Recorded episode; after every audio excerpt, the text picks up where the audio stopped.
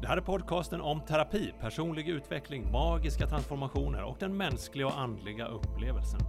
Jag heter Dan Ahtola och jag kommer dela med mig av allt jag lärt mig som terapeut och om mitt eget förändringsarbete. Det är här du träffar banbrytande terapeuter och helare, inspireras av andras framsteg och utmaningar och tar dig steg för steg från illusionen tillbaka till verkligheten.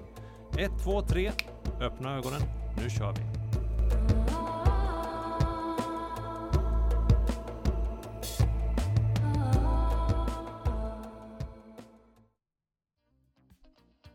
Här är ett avsnitt som, jag vill inte säga många, men flera har efterfrågat som handlar om emetofobi, vilket jag jobbar ganska mycket med. Har du emetofobi har du säkert hört detta. Ja, vadå, ingen tycker väl att det är kul att kräkas? Ett citat taget ur sitt sammanhang, men i andra halvan av det här avsnittet får du höra mer om vad Cecilia Wallin egentligen menar. Hon har haft emetofobi och kommer berätta om hur det varit för henne och hennes familj. Och hon ställer upp här för att hon hoppas att det kan skänka hopp till andra och för att ge tips till andra emetofobiker, men även anhöriga om vad som är viktigt att tänka på. Men framförallt, du kan bli fri från emetofobi. Se till att hänga med till slutet av avsnittet för då kommer jag ge 20 personer möjligheten att spara 2000 spänn och bli av med sin emetofobi. Om du är som de allra flesta människor så var du kanske tvungen att googla för att få reda på vad emetofobi är. Och även när man förklarar för någon vad det är så får människor liksom ett frågande uttryck i ansiktet, trots att det är en mycket vanlig fobi. Kan man vara rädd för spyor? Men jag gissar också att många av er som lyssnar redan vet vad detta kommer handla om. Du önskar dock säkert att du aldrig hade hört talas om emetofobi. Kanske är du en av dem som söker svar, hopp, lösningar, bara någonting som kan göra det lättare. En kort definition av vad emetofobi eller kräkfobi är för något skulle kunna vara en stark rädsla eller obehag kring allt som har med kräks och med magsjuka att göra. Och hur brukar folk reagera då? Ja, men, ingen tycker om att kräkas. Och ser det ofta som lite överkänslighet eller pjoskighet. Men det är inte bara en vanlig rädsla, utan det sträcker sig utanför det. Varför pratar jag om det här då? Ja, egentligen så kan det tyckas lite underligt. Jag har inte emetofobi. Jag känner ingen som har det. Inte vad jag vet i alla fall. För några år sedan visste jag inte ens att det fanns, utan tänkte att kvinnan som kom till mig hade en alldeles egen specialiserad och unik rädsla. Efter denna första gång som jag fick upp ögonen för emetofobi har jag träffat många, många fler som inte bara tror att de är så gott som ensamma utan också fått höra att det här kommer du få leva med. Eller nej, det går inte att ta bort en fobi sådär. Undligt. Varför säger man så? Tänkte jag, eftersom det tydligen går att bli av med den. Och det är egentligen mitt huvudbudskap och syftet med att jag spelar in detta för att förmedla hopp, för att få dig att känna att det finns en väg ut att det inte är kört. Att du inte är fast i en ångest. Och du är inte så konstig som du kanske tror. Jag kommer dels prata utifrån min erfarenhet som hypnoterapeut och min kunskap om rädslor. Det undermedvetna och förändringsarbete, men också utifrån vad mina klienter berättar för mig och det jag har lärt mig av att jobba med emetofobi. Kort sagt så kan jag säga att jag jobbar med emetofobi precis som jag jobbar med de flesta problem som jag stöter på. Jag utgår från att problemet inte är huvudproblemet, utan ett symptom på någonting som ligger djupare. Det jag gör handlar om att göra de förändringar som är nödvändiga för att kunna gå vidare och må bättre, oavsett om det handlar om scenskräck, om trauma, dåligt självförtroende, impotens eller kräkfobi. Emetofobi har jag märkt sticker ut på några plan. Till skillnad från andra rädslor eller hinder finns det inte särskilt stor förståelse från omvärlden eller från vården. Hur många av er som har emetofobi har hört att ni bara borde skärpa er eller känt att andra tycker att ni är lite väl känsliga och besvärliga? En gissning från min sida är att de allra flesta Jag vet att det finns undantag, men de allra flesta med emetofobi är kvinnor och ofta unga kvinnor. Många är småbarnsföräldrar och ni är ändå så ängsliga för allt, eller hur?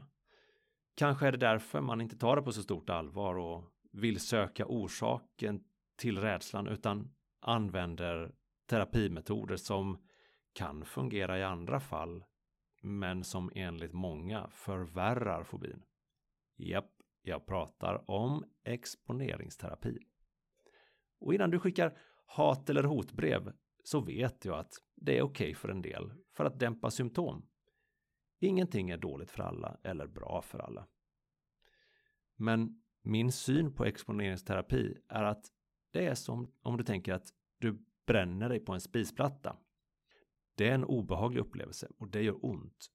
Så för att undvika att du känner det obehaget igen så bränner vi handen om och om och om igen tills vi bränt bort alla nervtrådar och du inte har någon känsel kvar.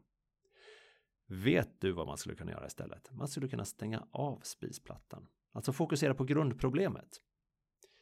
Och klart, jag överdriver en smula, men det behöver man göra ibland för att visa upp någonting tydligare, lite som en karikatyr.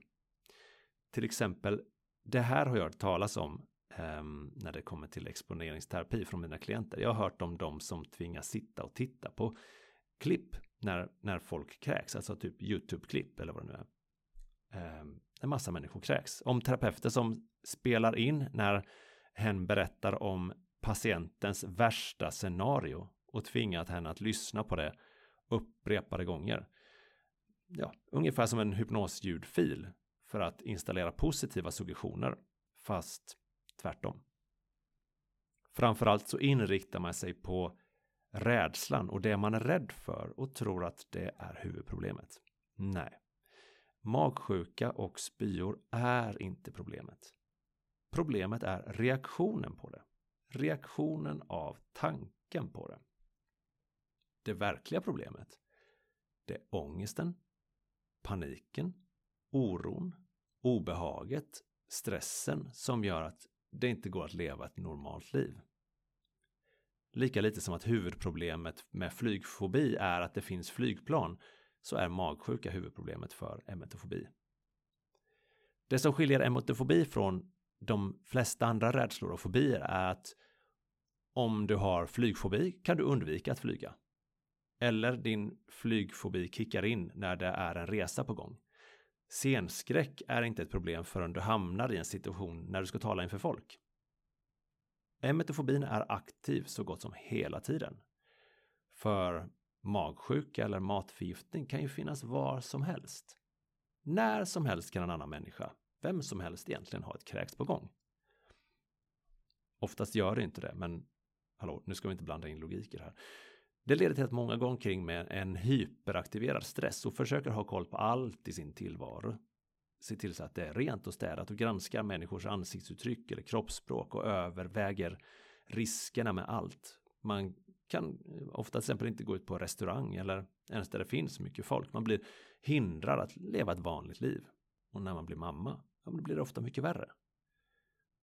För är det något man inte kan med barn så är det att kontrollera dem vad de gör eller rör vid eller vem de hänger med på dagis. Ja, du förstår.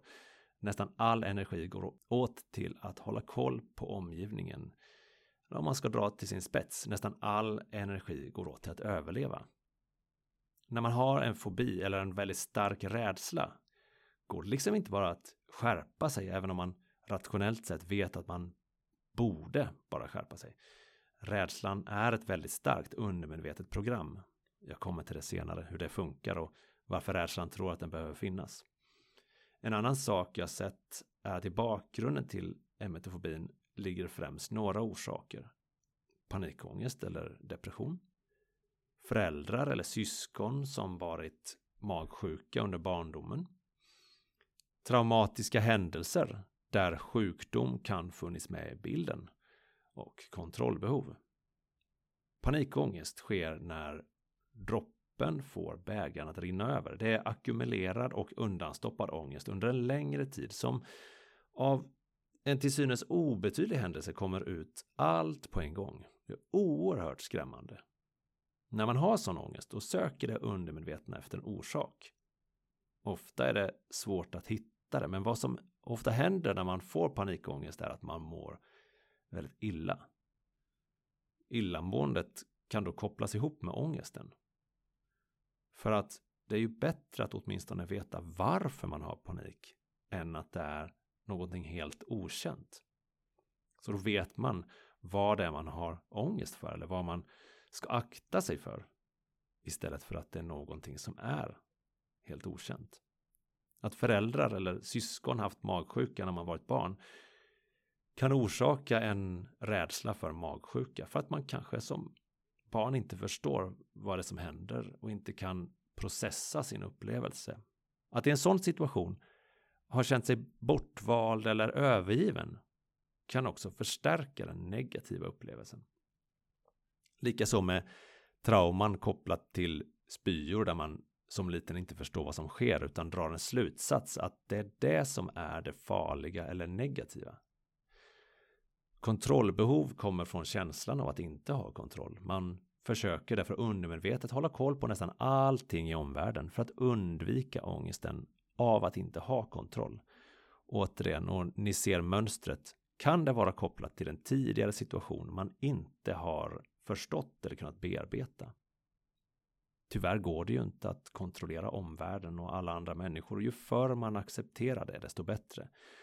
Men såklart kan det finnas saker som gör att det inte går att acceptera och det är ju de hindren som vi vill eh, undanröja eller ta bort. Fast vadå barndomen? Bara för att man inte förstod då så betyder väl inte att man måste vara rädd idag som vuxen. Och grejen med att vara barn som du som vuxen antagligen har glömt bort det är att man har inte så mycket att jämföra med. Man upplever många saker. Eller ja, man upplever alla saker, men man upplever saker för första gången och förstår inte alltid ifall någonting är farligt eller ifall det är okej. Okay. Speciellt inte om man inte får hjälp från en vuxen att tolka en situation. Som barn har man inte riktigt det där nyanstänkandet utan det är svart eller vitt, rätt eller fel, bra eller dåligt. Och dessutom, bara för att krydda det här, man är ganska självupptagen och tar sin roll i händelser på alldeles för stort allvar. Men det handlar ju bara om att man inte har lärt sig att se utanför sig själv och lärt sig att se andras perspektiv. Som barn kan man till exempel uppleva att man kräks på natten och att mamma eller pappa är jättestressad och bara vill få undan liksom de nedkräkta kläderna eller lakanen och inte tröstar och kramar om och ser en. Och man kan då känna sig övergiven när man behöver tröst och som om man gör något fel som kräks till exempel. För barnet kanske inte förstår att mamma eller pappa hastigt blivit väckt mitt i natten och bara så snabbt som möjligt vill städa upp för att alla ska få sova igen. Och inte ser barnet som behöver tröst, som behöver bli sedd, som behöver trygghet. För det känns ju läskigt att kräkas och vara sjuk när man är 3-4 år. Och då är det lätt att missförstå vad som händer och dra slutsatser. Som att jag gör fel. Som kan ha likhetstecken med jag är fel. Den slutsatsen kan leda till beslutet att jag får aldrig kräkas igen. För då är jag fel och får inte kärlek av mamma och pappa. Det är bara ett påhittat scenario men jag har lånat element från flera av mina klienters berättelser. Men hängde du med där? Problemet att vara rädd för att kräkas är någonting som skapas för att inte känna sig övergiven igen. Om jag inte kräks så blir jag inte övergiven. Problemet är inte problemet. Problemet är lösningen på ett djupare och mer smärtsamt problem. Ett skydd, om du så vill. Men som ett skydd känns det ju inte idag för dig som är vuxen.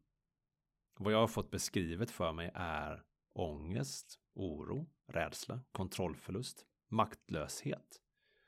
Och vet du vad? Fler än en person har sagt till mig att när det är som värst så känns det som att man hellre skulle vara död. Inte att man vill dö eller inte vill leva, men hellre döden än den, ångesten. Det är en av orsakerna som lett till att jag vill jobba med emetofobiker. Att det finns så mycket att vinna. Alltså, inte för min del, men för den som har fobin. Och speciellt när man fått höra att det inte finns något hopp. Att inte bli tagen på allvar. Många tror att de är helt ensamma med den här fobin för att det ligger sån skam i det att man inte vill prata högt om det. Och därför finns det också ett stort mörkertal tror jag. Många som har svårt att känna stöd från familj eller från partners och ja, men för att vanligt folk inte förstår hur det är. För att det är väl inte så farligt. Det är bara spy och sen är det över. Och ska jag vara ärlig så känner jag för egen del för att kräkas. Eh, men jag har också fått en annan inblick i verkligheten för någon med emetofobi. För den energin som inte längre behöver gå åt till att spana efter fara. Förstår du hur fantastisk den kan vara när man kan ge den till sina barn, att vara närvarande med dem.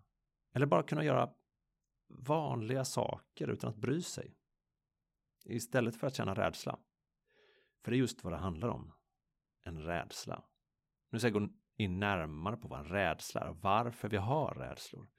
I grunden är en rädsla energi. Energi som rör sig och beter sig på olika sätt i kroppen. Och vi tolkar energin och ger den ett namn och en betydelse via den tolkningen. Många av våra rädslobeteenden har antingen skapats under barndomen eller i starka känslomässiga tillstånd, typ chock. När inte kroppen och hjärnan hinner förbereda sig för att kunna hantera en händelse eller ett trauma. Och då går vi rakt in, eh, bara för att överleva, till nödläget. Fightas, fly eller frys. Om vi inte får möjlighet att bearbeta eller hantera händelsen och få ur energin ur kroppen då sparas nödresponsen för framtiden ifall den skulle behövas igen. Varje gång du upplever någonting som påminner om den ursprungliga situationen så triggas nödresponsen igång och bekräftas. Den fastnar ännu starkare, för du överlevde nämligen igen. Den funkar.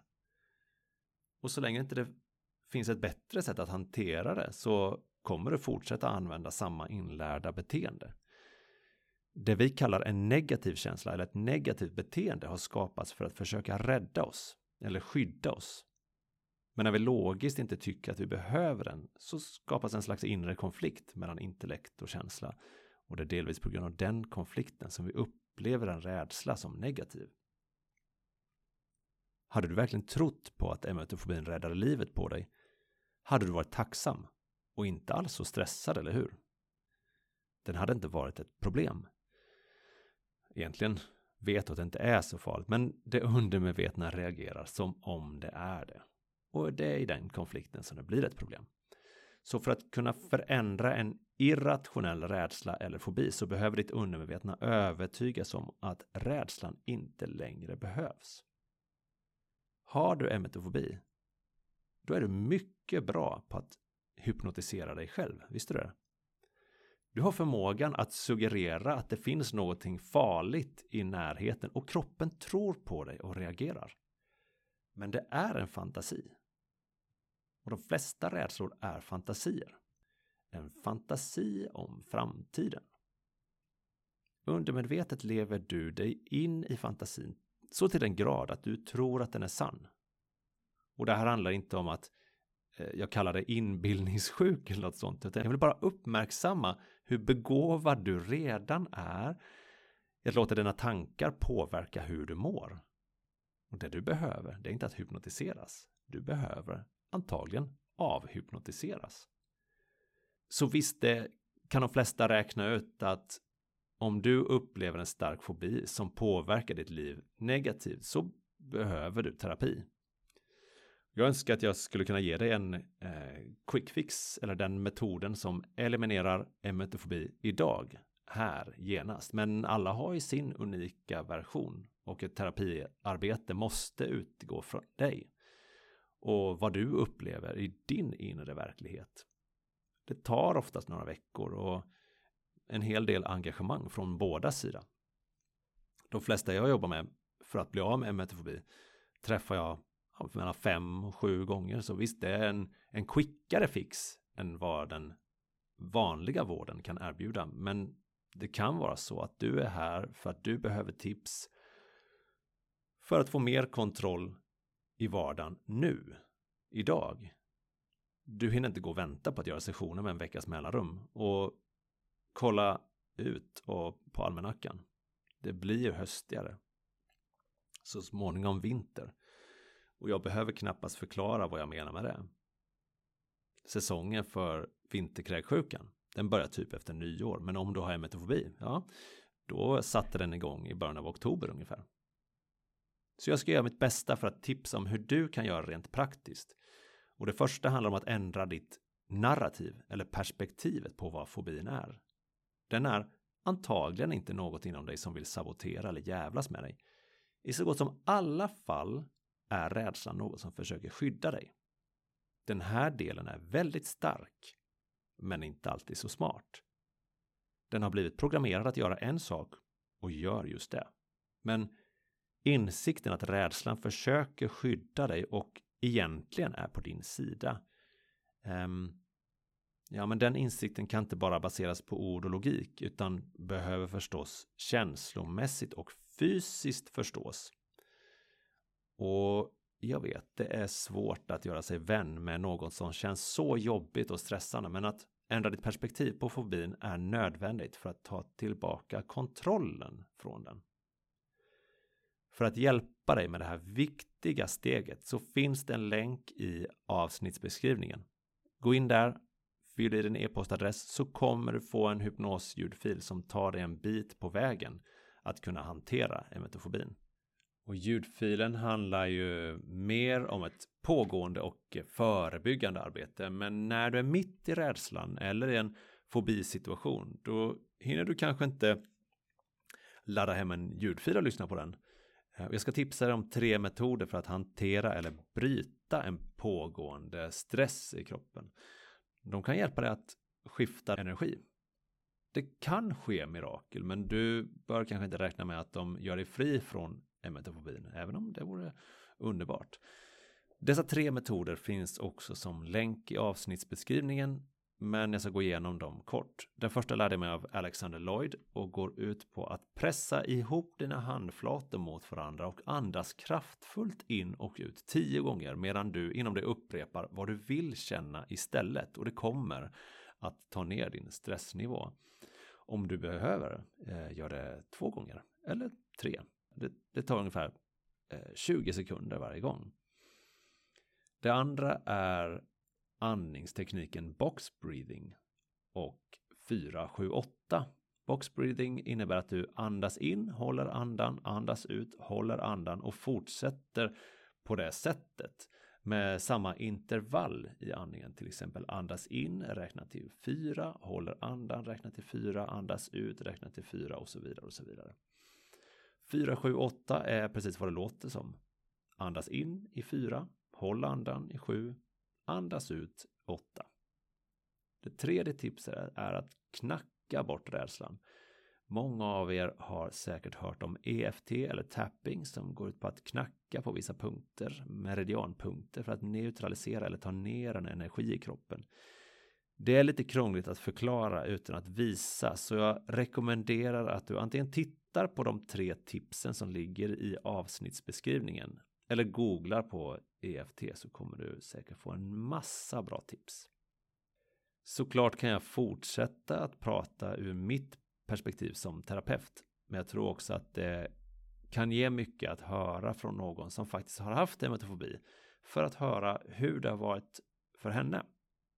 Över till veckans gäst, Cecilia Wallin.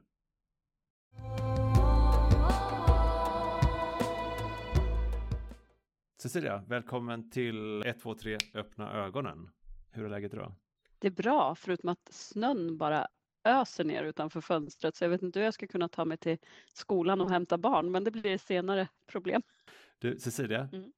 jag kan ju sitta och prata eh, hur länge som helst ur mitt perspektiv, men jag förstår ju också för att de flesta så är ju mitt perspektiv inte det viktiga som terapeut och som aldrig har eh, känt av personligen hur det är att ha emetofobi. Så därför har jag bjudit in dig att vara med här. För du, eh, du har ganska mycket erfarenhet av emetofobi, eller hur? Mm. Berätta. Ja, det har jag verkligen. Men det har ju, jag har levt med emetofobi så, ja, i princip så länge jag kan minnas. Eh, fram tills eh, jag träffade dig faktiskt för eh, snart ett år sedan. Mm. Eh, och jag hade en väldigt tuff vinter förra året. Eh, att leva med motofobi och dessutom vara eh, mamma är ju, har ju sina utmaningar. Så är det. Ja visst, absolut. Och då, det är ju så många som berättar det också att eh, ja, men det, det, var hanterbart tills jag blev förälder. Mm så upplever jag nog det också faktiskt att eh, mm. Eh, då hade jag liksom bara mig själv att eh, tänka på och inte liksom en massa behov som mitt barn har. Att eh, eh man tvingas ju, eller jag, alltså det blir ju så, man tvingas in i situationer som man eh, annars hade undvikit eh, tidigare i livet. Liksom. Eh, så att eh, det har varit jätteutmanande och framförallt så, så är det tufft för att man ju, eh, eller jag ska jag säga, jag har ju ifrågasatt mig själv väldigt mycket som förälder mm mm. när jag hamnar i de här perioderna. Så att, På vilket sätt då? Nej men när man, nu säger jag man igen, men jag har Eh, vintertid, alltså hela vinterhalvåret egentligen, så har det ju varit ångest för mig. Till och med när jag ska sova för att mitt barn vill sova bredvid mig och det enda jag ligger då och väntar på är att nu blir hon magsjuk i natt, nu kommer hon kräkas på mig. Mm. Kommer, det, är ju det, det har ju tagit upp hela mitt vara mm. vintertid. Eh, framför allt då förra året. Jag tyckte ju att det var så skönt under pandemin för då var det så lugnt. Det fanns ingen magsjuka helt plötsligt så jag, jag blev liksom invaggad i någon slags här tro att nej men nu mår jag ganska bra. Nu har det liksom försvunnit. det går bra det här. Men det var ju inte så, utan det var ju så att det var ingen som var magsjuk under pandemin för att alla gjorde ju så som vi emotofober tycker att man alltid ska göra. Tvätta händerna ordentligt och sköta sig på alla plan. Jag hörde fler säga det, att äntligen är folk normala. Ja, eller, exakt. eller rätt sagt, äntligen är jag normal. Mm, eh, precis. För nu gör alla som jag och handspritar sig och eh, håller avstånd och så vidare. Mm. Men jag märkte ju det att förra vintern och förra våren, det, var, det ökade jättemycket med metofobi märkte jag. Och det blev väldigt starkt på det viset. Tror jag. Kanske är det för att man trodde att man var eh, då inom citationstecken säker. Ja. Eller så var det just att det har, liksom, låg i, i träda lite grann och kommer tillbaka starkare. Ja, ja, men jag tror kanske att det, det var liksom både och därför att vi liksom isolerade oss ju så mycket under pandemin så att det inte var någonting. Sen eh, sattes ju jag inför en väldig utmaning som hade haft mitt barn hos en dagmamma innan. Det var väldigt få barn. Eh, och så la hon ner sin verksamhet så då var jag tvungen att sätta mitt barn på förskola. Och det var ju jättejobbigt för mig. Det, jag har ju inte velat ens sätta min fot i närheten av förskolemiljöer förut. Eh, det är ju mitt, eh, alltså barn i grupp och det måste jag säga faktiskt att jag, även om jag idag faktiskt hittills den här vintern är väldigt ångestfri men jag, jag blev, tyckte det var så skönt när jag hade pratat med dig här för ett tag sedan att du sa att så här, men allt behöver inte vara kopplat till din fobi för att jag blev så rädd för rädslan igen. Mm. Så jag behövde, behövde liksom en liten boost från dig och där, där, där jag liksom inser att så här, ja, men jag, det är ju faktiskt fler än jag, även om jag eh, är i mångt och mycket fri från min fobi idag, så är det ju så att alla människor tycker ju att det är lite jobbigt både med förkylningar och magsjukor och mm. liksom allting och det är okej. Okay. jag behöver inte tycka att liksom mm. förskolemiljö är den bästa miljön jag vet. Det är inte så att jag hoppar in och dansar där nu heller. liksom. nej, men, det, men, men, precis, det är ju så när man hör till exempel att nej men det är så dåligt, jag känner mig så eh, stressad eller jag känner sån ångest nu för att nu går det ångest, eller nu går det ångest på förskolan. Jag menar förstås, ja. Nu går det magsjuka på förskolan. Och då Mm. vill jag ha mitt barn hemma. Ja.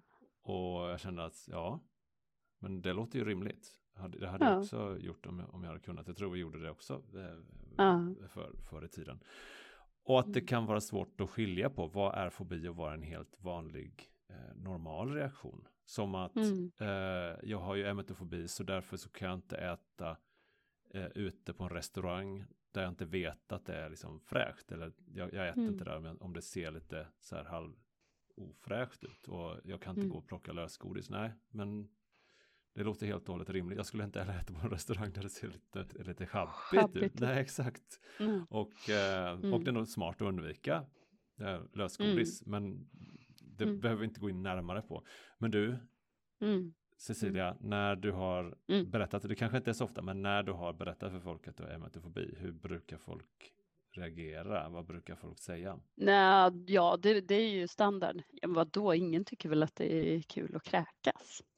Nej, ingen kanske tycker det, men, men för mig har det liksom alltid varit så att jag faktiskt på riktigt har känt att jag hellre dör än att kräks. Eh, det är ju så stor min skräck har varit liksom. Eh, och det fattar jag att folk har svårt att förstå, precis som jag kan ju ha, jag har ju jättesvårt att förstå en bulimiker till exempel.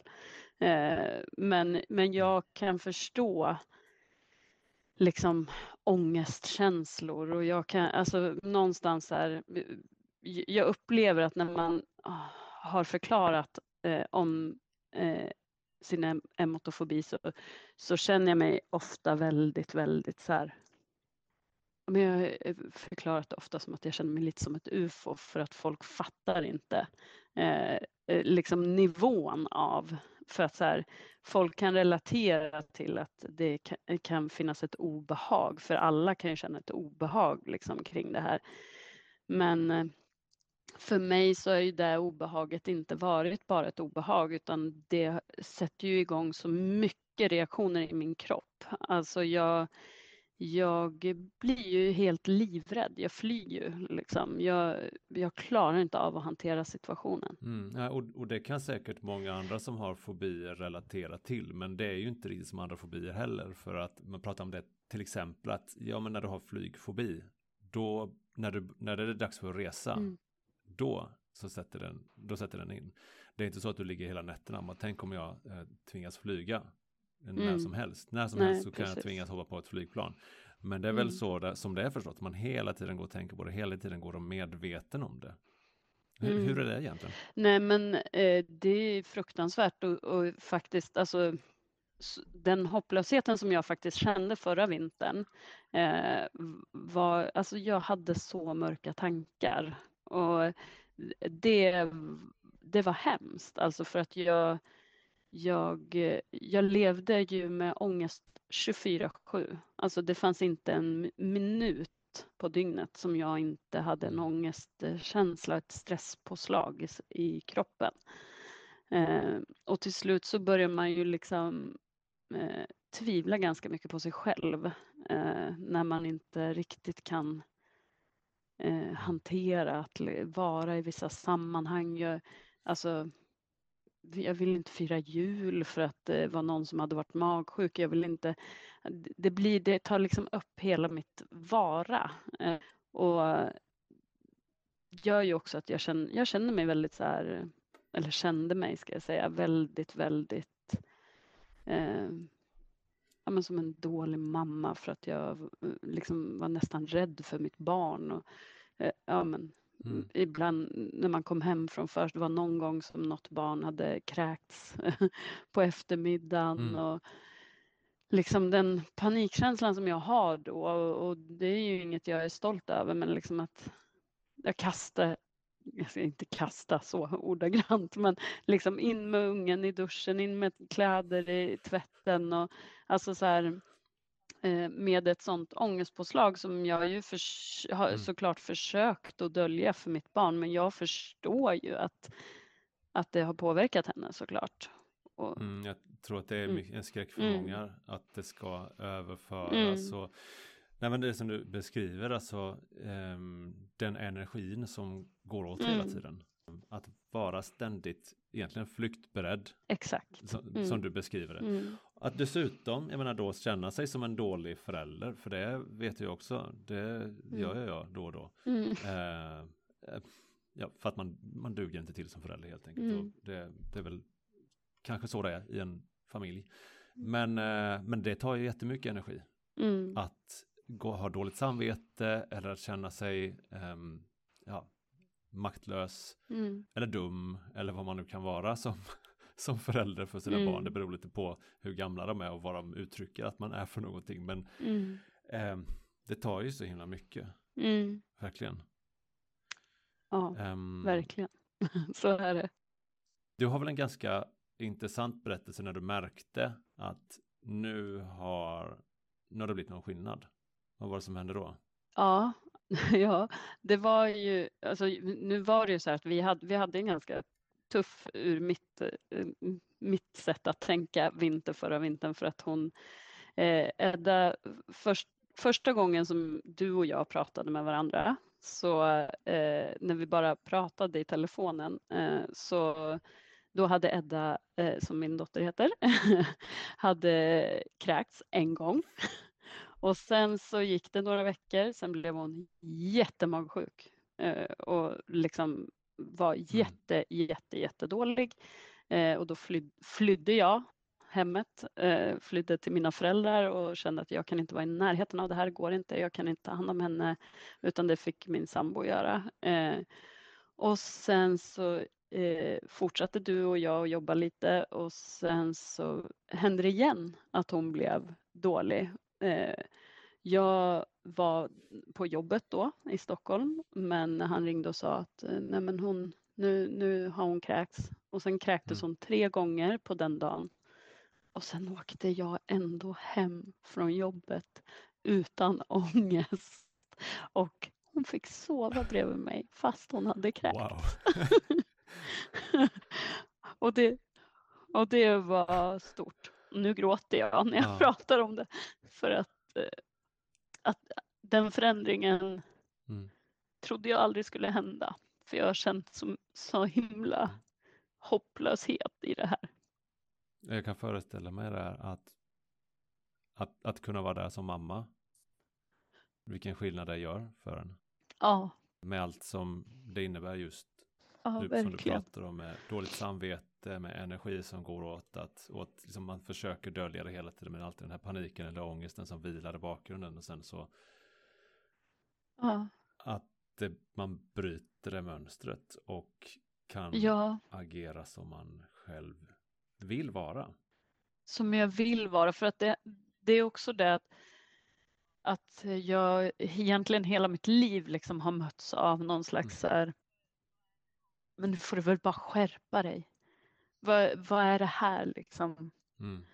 ja, var inte så fjantig och var, men om, om jag kunde styra det med mitt intelligenta, rationella tänkande så hade ju jag gjort det. Det här har ju liksom legat i min kropp. Alltså det är eh, någonting som händer på en milli, alltså millisekund när jag hör att någon har ont i magen eller mår illa eller så, så sätts allt igång i min kropp helt utan att jag har liksom kunnat hantera det. Det är ju intressant. Vad är det som ligger i din kropp då? Ja, det är någon slags stress och ångest och det är flykt. Eh, Alltså det är allt på en gång på ett sätt som är helt eh, jag förstår ju att det är helt orimligt, men det är inget jag har Mm. kunnat styra över. För om jag hade kunnat gjort det så hade jag ju gjort det. Liksom. men eller hur? Om det, Ja. hade, om det handlat om att tänka rätt tankar eller typ förstå Ja. att ingen tycker om att kräkas eller att det inte är Ja. farligt egentligen. Ja, men då Ja, hade det löst problemet ganska fort. Det, tyvärr så är det ganska uppenbart att det inte fungerar. Men som du säger Ja. att det, det ställer till så mycket för, för familjen. mm. Vad tycker du är viktigt för de, för de anhöriga? Som en partner eller, eller föräldrar eller nära vänner. Vad är viktigt för dem att veta eller eh, hur kan de hjälpa till och vara ett stöd? Men jag, tror framför allt så tror jag så här att eh, att inte skuldbelägga. Mm. Eh, för, för det finns ingen människa som vill må på det här sättet. Mm. Eh, så, så framför allt att inte liksom lämpa över någon slags skuld och jag förstår också att det kan vara svårt i vissa situationer och sådär. Men eh, man vill inte, det är inget val. Så här, jag har inte valt att, att må så här. Jag har inte valt att liksom ha den här fobin utan mm. det är någonting som har hänt eh, mig. Mm. eh, och, och, jag skulle mer vilja så att folk förstår att det är mer som en, en sjukdom liksom, än, mm. än någonting annat. Liksom. För att eh, det är jättesvårt och jag förstår ju också att så här, folk i min närvaro har blivit eh, medberoende eller vad man ska kalla det för ja. på något sätt. Liksom. Eh, och ofta har man försökt mm. skydda mig genom att så här, ljuga för mig. Att så här, nej men det, vi mm. säger inte det till henne, det är bättre att hon inte vet. Det är bara det att jag, jag känner ju av när det är någonting. Och det har ju bara gjort mig ännu mer fylld av ångest. Ännu mer så här att jag går och väntar på mm. att when, when shit hits the fan. Liksom. Eh, så att, eh, och det gör mig ännu mer isolerad ja. för att jag inte litar på en enda människa i min omgivning. För att jag vet att de ljuger för mig. Mm. Även om jag vet att de i grund och botten vill de skydda mig. Liksom. Men, men det, det sätter bara igång ännu mer saker, ännu mer ångest och ännu mer mm. så här. Så jag tror någonstans så här, att vara ärlig och, och ge ge den här personen lite space liksom, eh, när, när, det mm. behövs. Eh, och, och, som sagt, skuldbelägg inte för det blir bara värre. Mm. Jätteviktiga eh, tips eller råd mm. där för att som sagt det är inte bara en person som drabbas utan det är ju hela familjen som, som känner av det här. Um, mm. Det är svårt att det inte påverkar de andra även om man såklart önskar för allt det är värt att det inte ska påverka någon annan. Så, mm.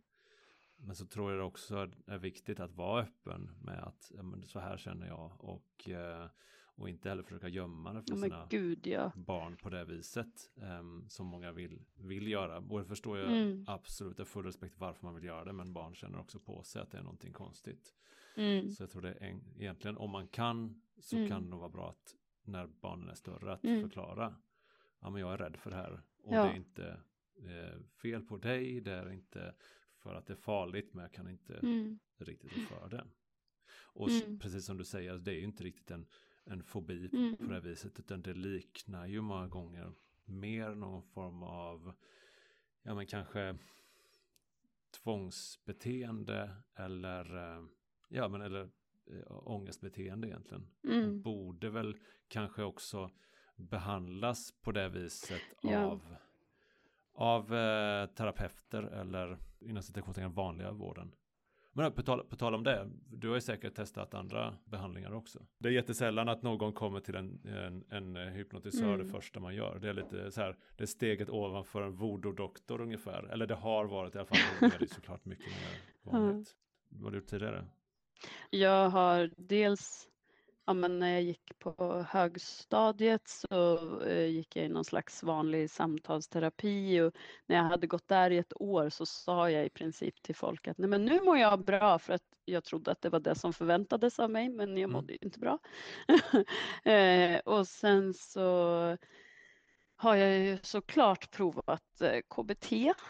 men har ju, det blev egentligen bara värre av det skulle jag säga för att Jag har eh, hört av många. Ja, Ja, jag, ja, det var, eh, gick hos eh, en terapeut då som eh, hon frågade mig liksom vad mina värsta platser var där jag kände som mest ångest och sådana här saker och då är ju sjukhus kommer ju liksom väldigt högt upp eh, mm. på, den, på den skalan och så då tog hon mig till ett sjukhus och jag var, vilket är det värsta stället här? Ja men det är ju toaletterna såklart. Ja, ja då så fick jag gå in på toaletten och så fick jag först sitta titta på ringen liksom med mina kläder och sen var jag tvungen att ta på de här på eh, toasitsen. Eh, och, så ah. fick, och sen fick jag inte tvätta händerna och så skulle vi gå ut i, i kafeterian och äta en kaka. Eh, ja men herre jävlar. Så jag kan säga att det, det blev inte bättre av det, det blev bara värre. Så skulle jag kunna säga. Mm. Alltså för det första, det är, det är jätteäckligt. Mm. Det skulle ingen normal människa göra. Nej. Och jag vet inte vad man skulle bevisa egentligen för att det, det är inte så att eh, man blir magsjuk på en gång. För vad, vad hade hänt? Nej. Toaletter är smutsiga ställen. Och eh, sjukhustoaletter eh, är om möjligt, ja de, de kanske tvättas oftare men det är större risk att det finns eh, liksom äckliga bakterier där. Så vad, vad hade hänt om du hade blivit faktiskt ja. magsjuk ett par dagar efter? Ja. Ah. Ja, nej. Nej, det, det, jag kan säga att det, jag hade ju också ångest i, i säkert en, alltså så här, riktigt ångestpåslag i säkert en vecka efter det där och fick ju eh, fruktansvärd panikångestattack på kvällen mm. efter det där. Och, ja, det var ju väldigt mycket liksom, kopplat till det där. Och jag kan ju se tillbaka, och det är ju samma sak så här, när jag berättar om det för mina nära vänner och så här, folk, alltså det är ju ingen som eh, fattar liksom så här, men but why? liksom, varför gjorde ni det där? Det är väl ingen människa Nej, jag börjar skratta åt det för, att det för det är ju liksom en, ja, det ja. låter ju som, en, eh, som man, mm. när man driver med exponeringsterapi ungefär.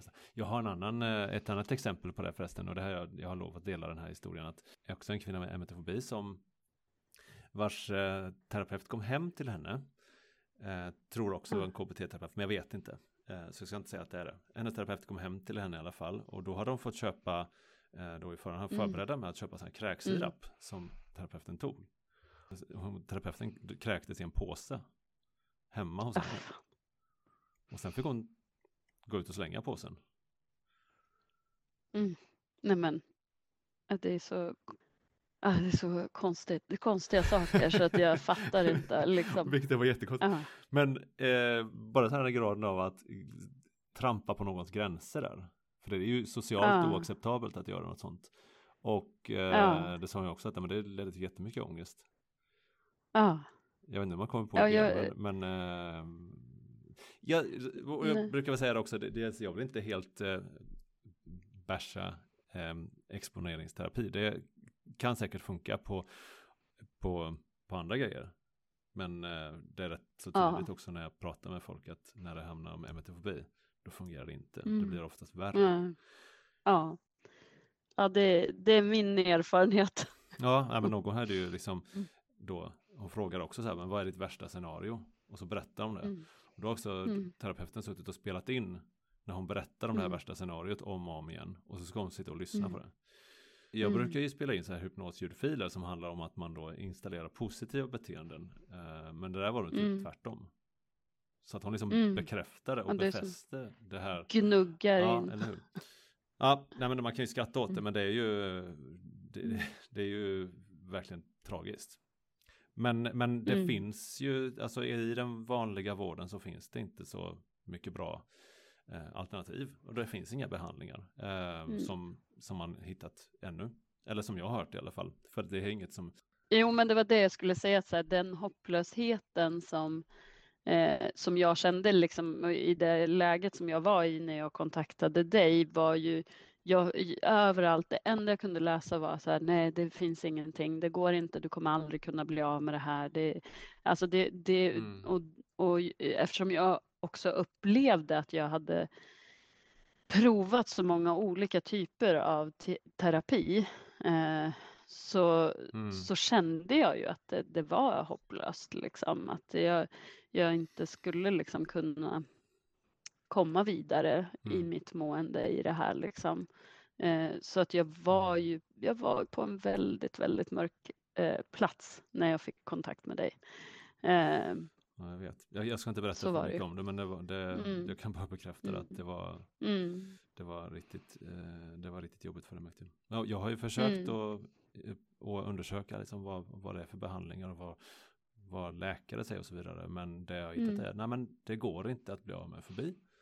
Mm. Eller det finns ingen behandling utan det är psykofarmaka i, i kombination med KBT-terapi som är lösningen. Mm. Och då blir jag lite, man blir lite mörkare då för att saken är, tar du på dig en vit rock, då mm. är du hypnotisör, då tror folk på vad du säger. Mm. Och det finns en risk att när man säger att det går inte, det går mm. inte att bli av med det här, så tror folk på det mm. och att det fäster som en mm. suggestion. Att man mm. undermedvetet accepterar det. Nej, men då får jag leva med det. Men det är inte riktigt sant faktiskt. Man, kan, man, kan, man kan leva med det som ett slags minne. Mm. För det är det många som säger, men, men man minns ju såklart vad det var. Men mm. det kan också förstärka den här känslan av att nu vet jag vad som inte är här längre. Mm. Att tanken kan finnas där men, men själva känslan är, är borta, mm. känslan av ångest till exempel. Mm. Däremot så kan jag ju känna så här som nu idag när vi börjar prata, mm. att jag, jag blir varm, jag får liksom så här, mm. när jag pratar om det, men det är precis som vi har varit inne på förut, att just det här att eh, jag kan bli stressad av att tänka på hur, hur jag mådde liksom. Mm. Att jag får en väldigt så här, eh, ja, men, att jag, jag, jag kan bli rädd för att bli rädd igen. Mm. jag kan vara, vara rädd för liksom, att, eh, att hamna exakt på det, det, den platsen igen. Liksom. Det tror jag eh, och är... Ja, förlåt. Nej, det var jag som avbröt dig, så mm. egentligen ska jag be om ursäkt. Men det jag vill säga var bara att det tror jag är gemensamt, att de flesta är rädda för mm. ångesten. Mm. Och att det är det värsta att alltså magsjukan är ju, är ju symptomet men det är ju mm. reaktionen i sig som är den värsta och att man, det är den mm. man då man får förväntansångest inför i de allra mm. flesta fall. Men hur, hur liksom ser din vardag ut idag? Ja men helt eh, annorlunda mot hur den såg ut så här års, eh, eller så här dags förra året. Jag eh, Eh, ja men det, det, är ju klart så här, eh, som, som vi sa lite innan här också att jag eh, tycker ju att eh, liksom allmänt så här års. Det är mörkt, det är snö, det går förkylningar, influensor och magsjukor och mask i mm. magen och hej och hå eh, åt alla håll och kanter. Eh, men idag har jag ju kanske en mer normal fungerande mm. reaktion på det. Jag lever inte med äh, ångest. Nu när det är november så känner jag också att jag, att jag har lite svårt att acceptera ah. det. Jag, jag, jag, känner liksom, ah. som för att citera det stora vemodet rullar in. Men uh, det kanske ja. beror på att jag är, är finne också. Så att, uh, jag, är drabbad av det rent genetiskt. Men om man ska se då, nu när det börjar bli vinter, har du några tips till mm. den som har emetofobi? Eh, nej men jag skulle vilja tipsa om något som jag har varit jättedålig på, men mycket så här återhämtning. Eh, jag skulle tipsa om att ta kontakt med någon som jobbar som du gör Dan, för att det har varit min räddning. Eh, jag hade inte varit där jag är idag om jag inte hade fått kontakt med dig och det är jag så tacksam för.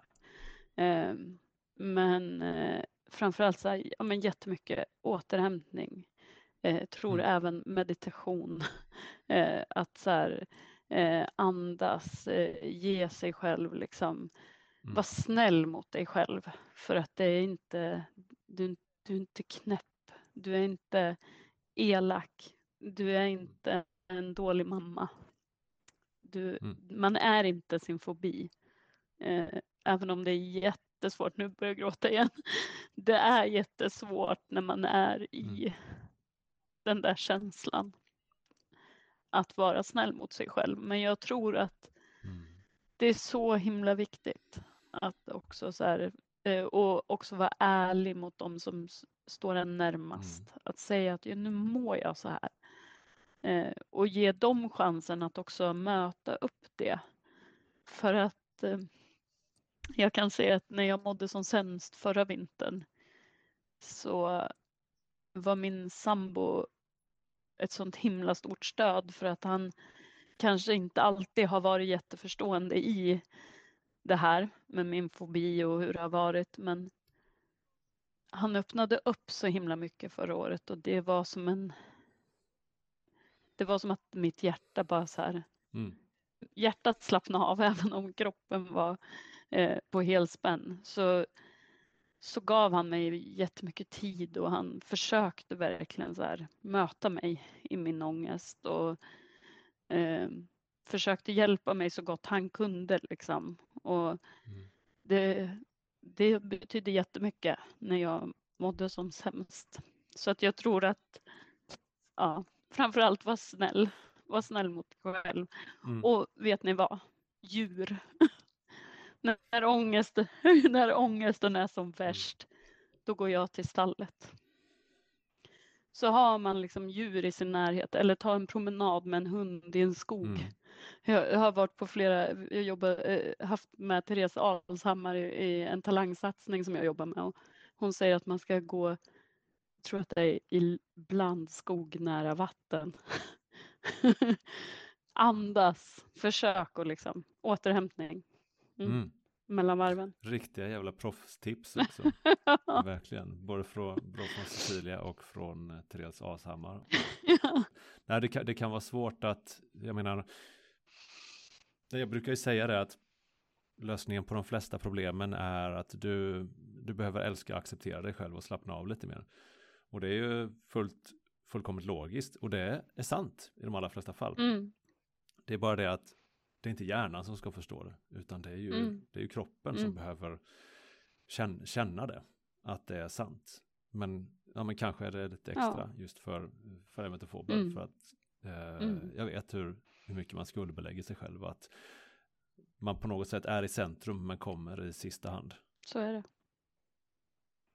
Stort tack för att du ville vara med. Tack snälla.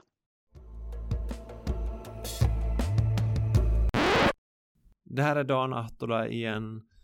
Cecilia är inte ensam om att ha blivit så gott som fri från sin emetofobi. I motsats till vad du tidigare kan ha hört så är det möjligt. Jag lanserade mitt emetofobipaket i våras. Jag känner mig rätt säker när jag säger att det här ger mer än de flesta andra metoder. Det här gör skillnad. Vi utgår från din emetofobi, dina utmaningar. Det här är inte en steg för steg metod som är samma för alla utan jag lyssnar på dig för att skräddarsy ditt paket så att jag kan underlätta för ditt undermedvetna att lösa problemen så som ditt undermedvetna vill lösa problem. Men jag kommer definitivt inte jobba med exponering. Du kommer märka att vi inte ens pratar så mycket om magsjuka eller spyor. Du som lyssnar på den här podden kan gå in på Boka Direkt söka efter Dan Attola eller klicka på länken i avsnittsbeskrivningen. Där hittar du Emetofobipaketet och med rabattkoden PODD P-O-D-D får du 2000 kronors rabatt på hela paketet. Fem sessioner hypnoterapi med strategisamtal och återkopplingssamtal, uppgifter som tar dig djupare mellan sessionerna, en egen ljudfil med mera. Det är ditt med 2000 kronors rabatt. Ge det här till dig själv. Var snäll mot dig själv som Cecilia sa. Men bromsa inte för länge. För rabatten gäller de första 20 personerna som bokar emetofobipaketet. Såklart vill du ju veta mer för att vara säker på att det här passar dig. Boka då först ett gratis konsultationssamtal med mig så pratar vi närmare om hur jag kan hjälpa dig som jag har hjälpt många andra. På Boka Direkt finns bokning av konsultationssamtalet. Där finns emetofobipaketet. Rabattkoden är podd PODD för 2000 kronors rabatt.